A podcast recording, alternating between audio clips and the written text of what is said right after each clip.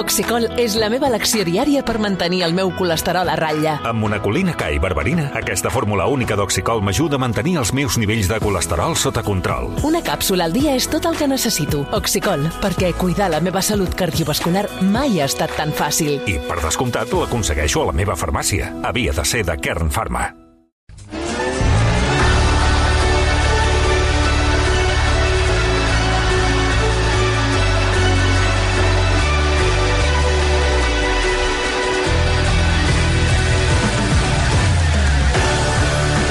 Passen d'un quart de sis de la tarda. Saludem a aquesta hora el catedràtic d'Economia de la Universitat de Colúmbia, el professor Xavier Sala i Martín. Professor, molt bona tarda. Hola, molt bona tarda. Com anem? Molt bé. Avui eh, ens centrarem aquesta masterclass parlant dels Premi Nobel d'Economia, un exercici que fem cada any amb el professor Sala i Martín, i el guardó d'aquest any ha estat per tres economistes nord-americans. L'expresident del sistema de la Reserva Federal dels Estats Units, eh, Ben Bernanke, el professor de l'Escola de Negocis Booth de Chicago, Douglas Diamond, i el professor de l'Escola de Negocis Olin a la Universitat de Washington, que és en Philip Dippic. Um, si li sembla, anirem desgranant la importància de, del que s'ha premiat amb aquest Premi Nobel aquests tres economistes i podrien començar amb Ben Bernard Bernanke, que, recordem-ho, va ser el president del sistema de la Reserva Federal dels Estats Units i que, segons eh, aquest premi, va demostrar la importància dels bancs per evitar un col·lapse econòmic. Ell va analitzar la Gran Depressió, concretament dels anys 30. I a partir d'aquí, professor, expliqui'ns què és el que va passar en aquell moment i quina és la teoria de Ben Bernanke. A veure, el, el tema és que durant el, els anys 30, recordeu, va haver-hi la Gran Depressió, la, sí. la, la, la crisi econòmica més gran que va haver-hi durant el segle XX, i eh, l'explicació que sempre s'havia fet del que havia passat en aquells moments és que, recordeu, el crac de la borsa de l'any 29, el, diguem, la borsa cau en picat, la gent perd calés, eh, els bancs fan, eh, diguem, el, i tot això fa que eh, hi hagi una crisi econòmica, l'atur es dispari i que molts bancs facin fallida, no? Eh, però en Bernanke van a mirar els, diguem, la, la seqüència dels fets i resulta que al principi la crisi no era molt gran. Al principi va haver una petita crisi, és veritat que va haver-hi un gran crac de la borsa, però a finals del 29, però al principi la crisi no semblava gens espectacular. El que va passar és que, a poc a poc, per culpa de de, aquesta crisi incipient, van començar a fer fallida els bancs. I van començar a fer fallida molts bancs perquè doncs, havia pànics bancaris. De sobte la gent tenia por de que els bancs no tinguessin els diners i, i llavors, clar, quan tu penses que els bancs no tindran els diners, doncs vas corrents a recollir-los per no ser l'últim de la fila, no? Uh, si, el, si els bancs no tenen prou diners per tots, els que cobren són els primers que han arribat. I, per tant, tots els dipositants corrien a fer cues a, a, diguem, a, les, a les guixetes dels bancs, uh, i això és el que feia que els bancs fessin fallida. Un cop els bancs van fer fallida, aleshores, els bancs que juguen un paper molt important a l'economia eh, i és que agafen aquests dipòsits que, don, que té la gent i els presta a l'economia real, és a dir, els presta als grangers, als petits botiguers, a les empreses que viuen del crèdit dels bancs, no? Clar, si desapareixen els bancs, doncs tots aquests grangers i totes aquestes empreses que necessiten el crèdit per sobreviure van començar a fer fallida i és això el que, el que, el que va causar la Gran Depressió. És a dir, a diferència del que es creia que era que Uh, la Gran Depressió va provocar la caiguda dels bancs, el que demostra Ben Bernanke és que va ser al revés. Va ser la caiguda dels bancs el que va convertir una petita crisi en una gran depressió. Eh? Uh, I això demostra la importància que pot tenir no deixar caure els bancs en moments de crisi el que és més rellevant, diguem, de cara a, la, a nosaltres, eh? el, el, el, el, el Comitè Nobel no premia la feina de Ben Bernanke com a responsable de la Reserva Federal que era l'any 2008, eh, l'any de la crisi financera, recordeu, mm. la caiguda de Lehman Brothers i tot això, qui manava a la Reserva Federal era ell. Uh, però no se'l premia per aquesta feina, Clar, sinó ell... per la seva feina com a professor. Però ell, que uh, va, fer, va fer aquest estudi sobre, el, sobre els bancs, la importància dels bancs, uh, clar, aquella gran crisi del 2008 arranca amb la caiguda de Lehman Brothers, i ell era, ah, i ell era el, el, el, bueno, el, el, el, el president del sistema de la Reserva Federal dels Estats Units. És a dir, clar, no va aplicar, no, professor, mhm. el, el que era la seva tesi. O què va passar bueno, aquí? Eh, això no, no, no és ben bé així. És a dir, mm. sí, és, al, al moment de caure Lehman Brothers, sí. eh, recorda, és el, és el president de la Reserva Federal, és el que decideix sí. quants diners s'imprimeixen, mm. eh, diguem, quants dòlars s'imprimeixen. Sí. En aquell moment va haver-hi una gran baralla entre el ministre d'Economia, diguem, el, el secretari del Tresor, que es diu aquí als Estats Units, i, i les grans autoritats, el president eh, del país, que en aquell moment era el George W. Bush, i, i tota aquesta gent doncs, van, de, van decidir eh, eh, diguem, deixar caure el Lehman Brothers. Ell, gràcies a la seva experiència com a professor i als seus estudis, va dir, cuidado, que esteu bojos, que això ens provocarà una crisi catastròfica. Uh, però en principi no li van fer cas. Va caure Lehman Brothers, va començar a haver-hi pànics bancaris per tot arreu i aleshores el, el, el, el, el següent que havia de fer fallida, diguem, els altres bancs havien de fer fallida, no se'ls va deixar fer fallida, no sabem ben bé per què, segurament és perquè eh, van, les autoritats reals, que, són, que és el govern americà, va crear un pla de xoc per rescatar tots aquests bancs. I no només aquests bancs, sinó que també van rescatar les companyies de cotxes amb un pla que es va dir TARP, eh, que van, van dedicar eh, diguem, desenes de milers de milions a rescatar els bancs. Per tant, van cometre un error, que va ser deixar caure el Lehman Brothers, però de seguida van corregir i van, eh, van, van, van, van, van rescatar els bancs. Això ho van fer de manera tan ràpida i tan eficient que el que hagués pogut estar una, gran, una nova gran depressió va ser una crisi que amb, amb prou feines va durar un any. Eh, I això contrasta amb el que va passar a Europa, que fixeu-vos que la crisi del 2008 eh, no va acabar fins a l'any 2013, no? fins que el Mario Draghi, que seria l'equivalent del, del Ben Bernanke a, a Europa, va fer aquell discurs de dir, escolta, aquí no deixarem patar cap banc, no, eh, diguem, rescatarem i farem whatever it takes, no? farà el discurs que es diu, que, que avui es titula uh, whatever it takes, farem el que calgui per salvar l'euro, i, i quan el Banc Central d'Europa va fer això va ser quan Europa va sortir de la crisi. Uh, per tant, sí que d'alguna manera va aplicar el que ell havia après com a investigador ho va aplicar quan era el, el, el cap de la Reserva Federal. I en aquesta investigació, eh, a partir de, del que va, va estudiar i va aplicar Ben Bernanke, han, ha canviat la manera d'abordar les crisis? És a dir, i fins a quin punt, també li pregunto, quina importància tenen els bancs en una, en una crisi econòmica? Sí, a veure, els bancs juguen un paper, dos papers molt importants. Eh? Un, ja l'hem dit, agafen els calés i els presten a les empreses que els necessiten. Eh? Eh, és a dir, hi ha molta gent que té calés i no els necessita, tots nosaltres que tenim calés dipositats al banc, els tenim perquè no els volem fer servir eh, immediatament, per tant, els dipositem al banc i quan els necessitem doncs anem al caixer o fem servir la visa o el que sigui. Eh, I llavors els bancs, òbviament, no, no agafen aquests calés i els guarden a la caixa forta el que fan els bancs és agafen aquests calés, a nosaltres ens paguen gairebé zero per aquests dipòsits, però a eh, tots aquests calés, o una part d'aquests calés, els presten a qui realment necessita, perquè en el món hi ha gent que té calés i no els necessita, i llavors hi ha gent que necessita calés i no els té.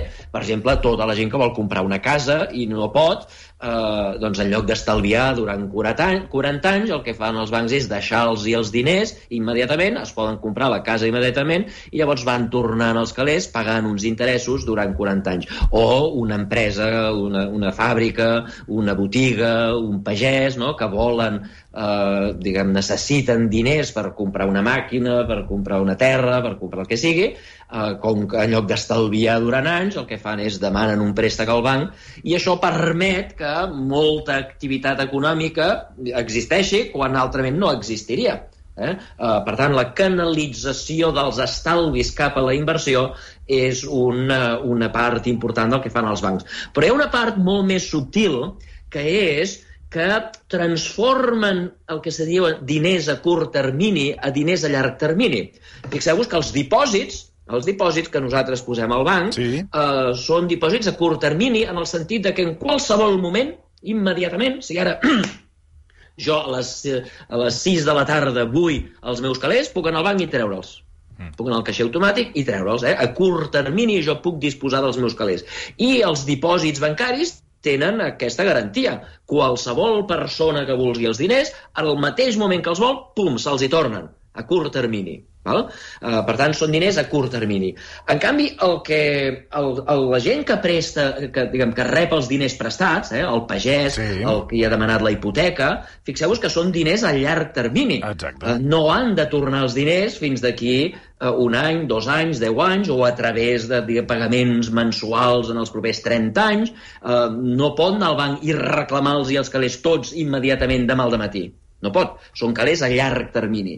I, I, per tant, els bancs fan aquesta funció, que és important, eh, de diners a curt termini, transformar-los en diners a llarg termini. Diners que són disponibles a curt termini, transformar-los en inversions que són disponibles a llarg termini. Aquesta funció és molt important perquè sense aquesta funció el pagès no tindria crèdit i la persona que vol una casa no la podria comprar. Hauria de passar-se passar 40 anys posant calés en una guardiola eh, i després de 40 anys poder comprar la casa quan ja està a punt de morir. No? Eh, I, per tant, els bancs juguen un paper fonamental. Però aquest paper fonamental que juguen a dins de l'economia és la font de la seva vulnerabilitat. Eh? Uh, jo no sé si, si recordeu la pel·lícula la pel·lícula de la Mary Poppins. Eh? Uh, a la Mary Poppins hi ha una, una escena, a l'original, no, la, no la nova, a la- a l'original, hi ha una escena en el que el nen petit eh, uh, diguem, porta, té, diguem, té ganes d'estalviar i estalvia un penic. Bueno, eh? son pare, eh? Ell no, eh? El nen no, eh? No, no, el nen, el nen. Sí, però el nen, troba- el, nen, el nen vol comprar un, unes vesses pels coloms, però en canvi son pare li diu no, posa'ls al banc, que això t'anirà molt bé per la, per la situació de la vida. Sí, val. El, el, el, nen, el nen troba un penic val? I eh, diguem, està, està a la porta del banc Mhm. i el, diguem, el, el, el Dick Van Dyke, no? el propietari del banc, surt allà i li diu eh, diguem, el, el, és veritat, el pare el vol convèncer perquè el nen estalviï els calés Mhm. i el nen està adoptant i té el, els, els diners a la mà i el Dick Van Dyke li, li va agafar el diner i li diu, escolta'm, posa al banc, et donarem interessos, que estalviaràs i tal i qual, i està el nen amb el dubte i quan el banquer li agafa els calés, el nen crida, dona'm els meus diners. Eh? Fa un crit, dona'm, els meus, dona'm el meu penic. Llavors, en, en aquell moment, tota la gent que està en el banc sent un crit, diu, dona'm els diners. Eh? Uh, I de seguida sospiten, sense cap mena de, de, de prova de que això uh, passava, de sobte tots sospiten de que algú vol calés i el banc no els No està dona. donant. Exacte. Hi ha pànic general. Exacte, i això que genera un pànic. Uh, un pànic que de vegades està justificat, perquè, com ja he dit, els diners que nosaltres dipositem al banc no estan guardats a la caixa forta. És a dir, que si tots de sobte anem al banc a recollir els nostres calés, el banc no els té. El banc no els té, perquè el 80% dels nostres calés els ha prestat als grangers, a la gent que compra cases, etc etc. El banc només guarda una petita part per, per, la, per, diguem, per la gent que va a treure els calés cada dia, però la major part dels calés els ha prestat. El banc sempre pensa, bueno, eh, no vindrà tothom a la vegada a buscar els calés, oi que no? I, per tant, I normalment no passa, normalment no va tothom a buscar els calés al mateix temps. Però, quan el nen crida dona'm els diners, el que causa és un pànic. Un pànic que pot no estar justificat. Un pànic que pot no tenir res a veure amb el fet de que el banc està fent unes males inversions i que ha prestat els calés a les famílies subprime i no li tornaran els calés i que el banc s'arruïnarà. No, no, no. Una cosa tan aleatòria, tan eh, normal com és que un nen crida torna'm els diners. Torna'm els diners, crea un pànic bancari, la gent diu ai, ai, ai, que el banc no té calés. Eh? El rumor fa que la gent corri cap a la guixeta a treure els calés perquè ningú vol quedar-se eh, al final, perquè sabem que el banc, de tots els calés, el 80% els ha prestat, per tant només té el 20% allà, i tothom vol ser el primer de la fila per recuperar els calés.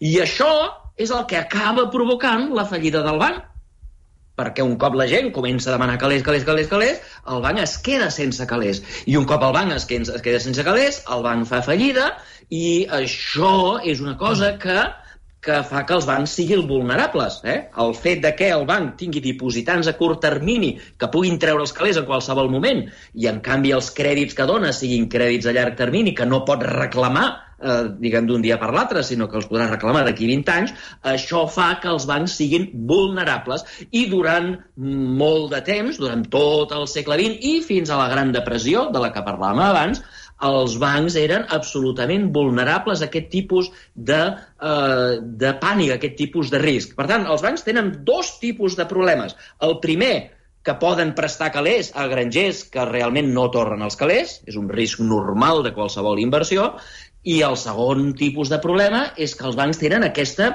asimetria, no? Ells reben els diners a curt i els presten a llarg i això fa que de tant en quant hi hagi banca, pànics bancaris. I el que Diamond i Digvig van fer va ser demostrar que els bancs eren vulnerables fins i tot quan no hi havia cap tipus de risc en la primera, fins i tot quan prestaven els calés i eren absolutament segurs perquè tots els grangers tornaven. És a dir, fins i tot si tu inverteixes de manera intel·ligent, raonable, i tothom et torna els crèdits, fins i tot en aquest cas ets vulnerable als rumors, a la rumorologia que porta que els nens cridin, torna'm els diners, i això generi un pànic eh, eh, i, i, i, per tant, arran d'aquestes investigacions, arran d'aquestes investigacions, eh, la pregunta és i com se solucionen, com fem que els bancs no estiguin subjectes a pànics bancaris.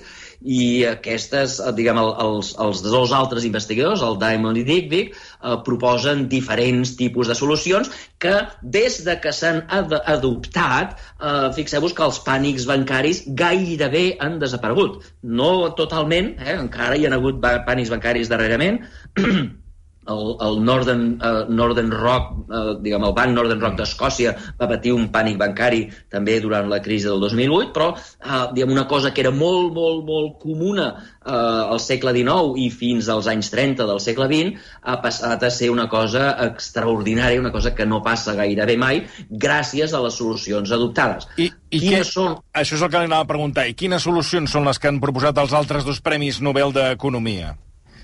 Doncs bé, una la coneixem tots, eh? una, una que va estar de moda a la, a la crisi financera, que són els fons de garanties de dipòsits. Mm. Eh? Mm -hmm. uh, recordeu que el primer que es va fer, el primer que van fer els bancs el, durant la crisi financera va ser augmentar la quantitat de diners que estaven en el fons de garantia de dipòsits.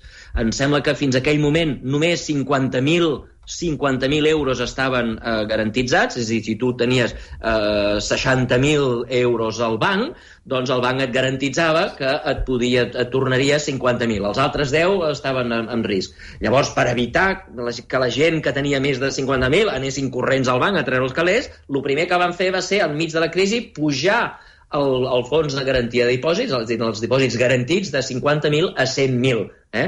Per què? Doncs perquè si el banc no té calés, el conjunt de tots els bancs, que tenen un fons, eh? Tot, tots els bancs posen calés en un fons, de manera que si un dels membres del banc, eh, dels bancs eh, té problemes, doncs tota la pila de calés van cap al banc que té problemes. Quan la gent veu que van a treure els calés i el banc els hi dones amb tota tranquil·litat, llavors diuen, ah, no era el banc que tenia problemes, era un nen que cridava i el, els rumors no estaven fonamentats i aleshores s'atura el pànic, eh? el, el fet de que el, el, el banc torni calés eh, sense problemes eh, fa que la, el pànic desaparegui i el problema desaparegui.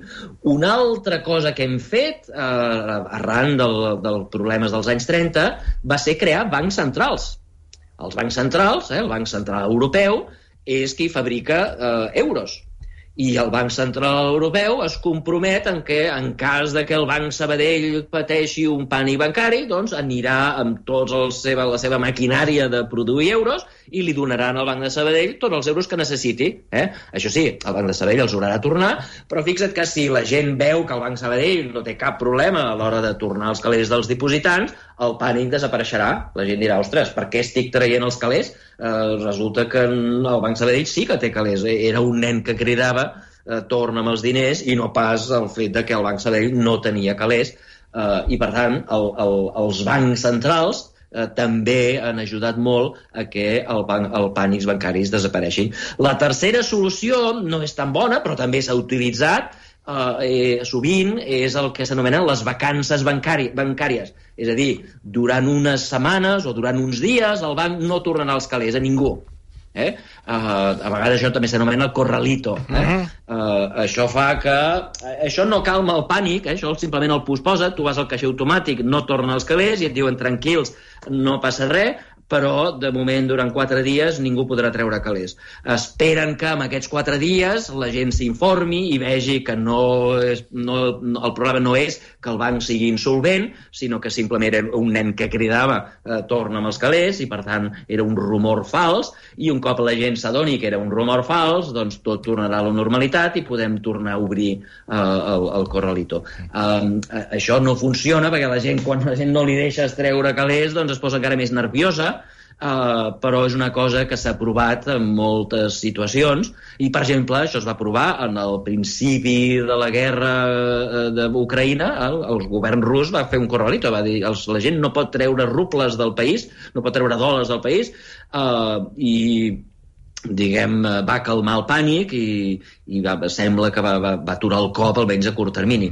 Uh, però bueno, aquestes tres mesures, no? fons de garantia de dipòsits, bancs centrals i vacan la possibilitat d'establir vacances bancàries o corralitos ha fet que una cosa que era molt comuna, molt comuna al segle XIX i a principis del segle XX hagi bàsicament desaparegut del mapa. Avui ningú a Catalunya té cap dubte de que si eh, necessita els calés que té a la Caixa o al Sabadell eh, doncs, o la Caixa d'Enginyers, doncs eh, aquestes institucions tenen els calés i ells podran disposar dels calés sense cap problema i ningú ho dubta mai, mai, i per tant eh, els pànics bancaris han, han desaparegut. Professor, moltíssimes gràcies per aquesta classe avui relacionada, com fem eh, anualment amb els premis. Avui hem de parlar d'aquests tres premiats de, del Nobel d'Economia. De, Una abraçada molt forta. Igualment, gràcies. Gràcies. D'aquí un minut eh, parlarem d'un documental, eh, Mònica Planes, que porta per títol Los secretos del fútbol i que el que fa és destapar i explicar amb pèls i senyals el que va ser tot un impacte en aquest eh, esport. El, eh, el que seria el descobriment, la filtració dels documents anomenats Football Leaks.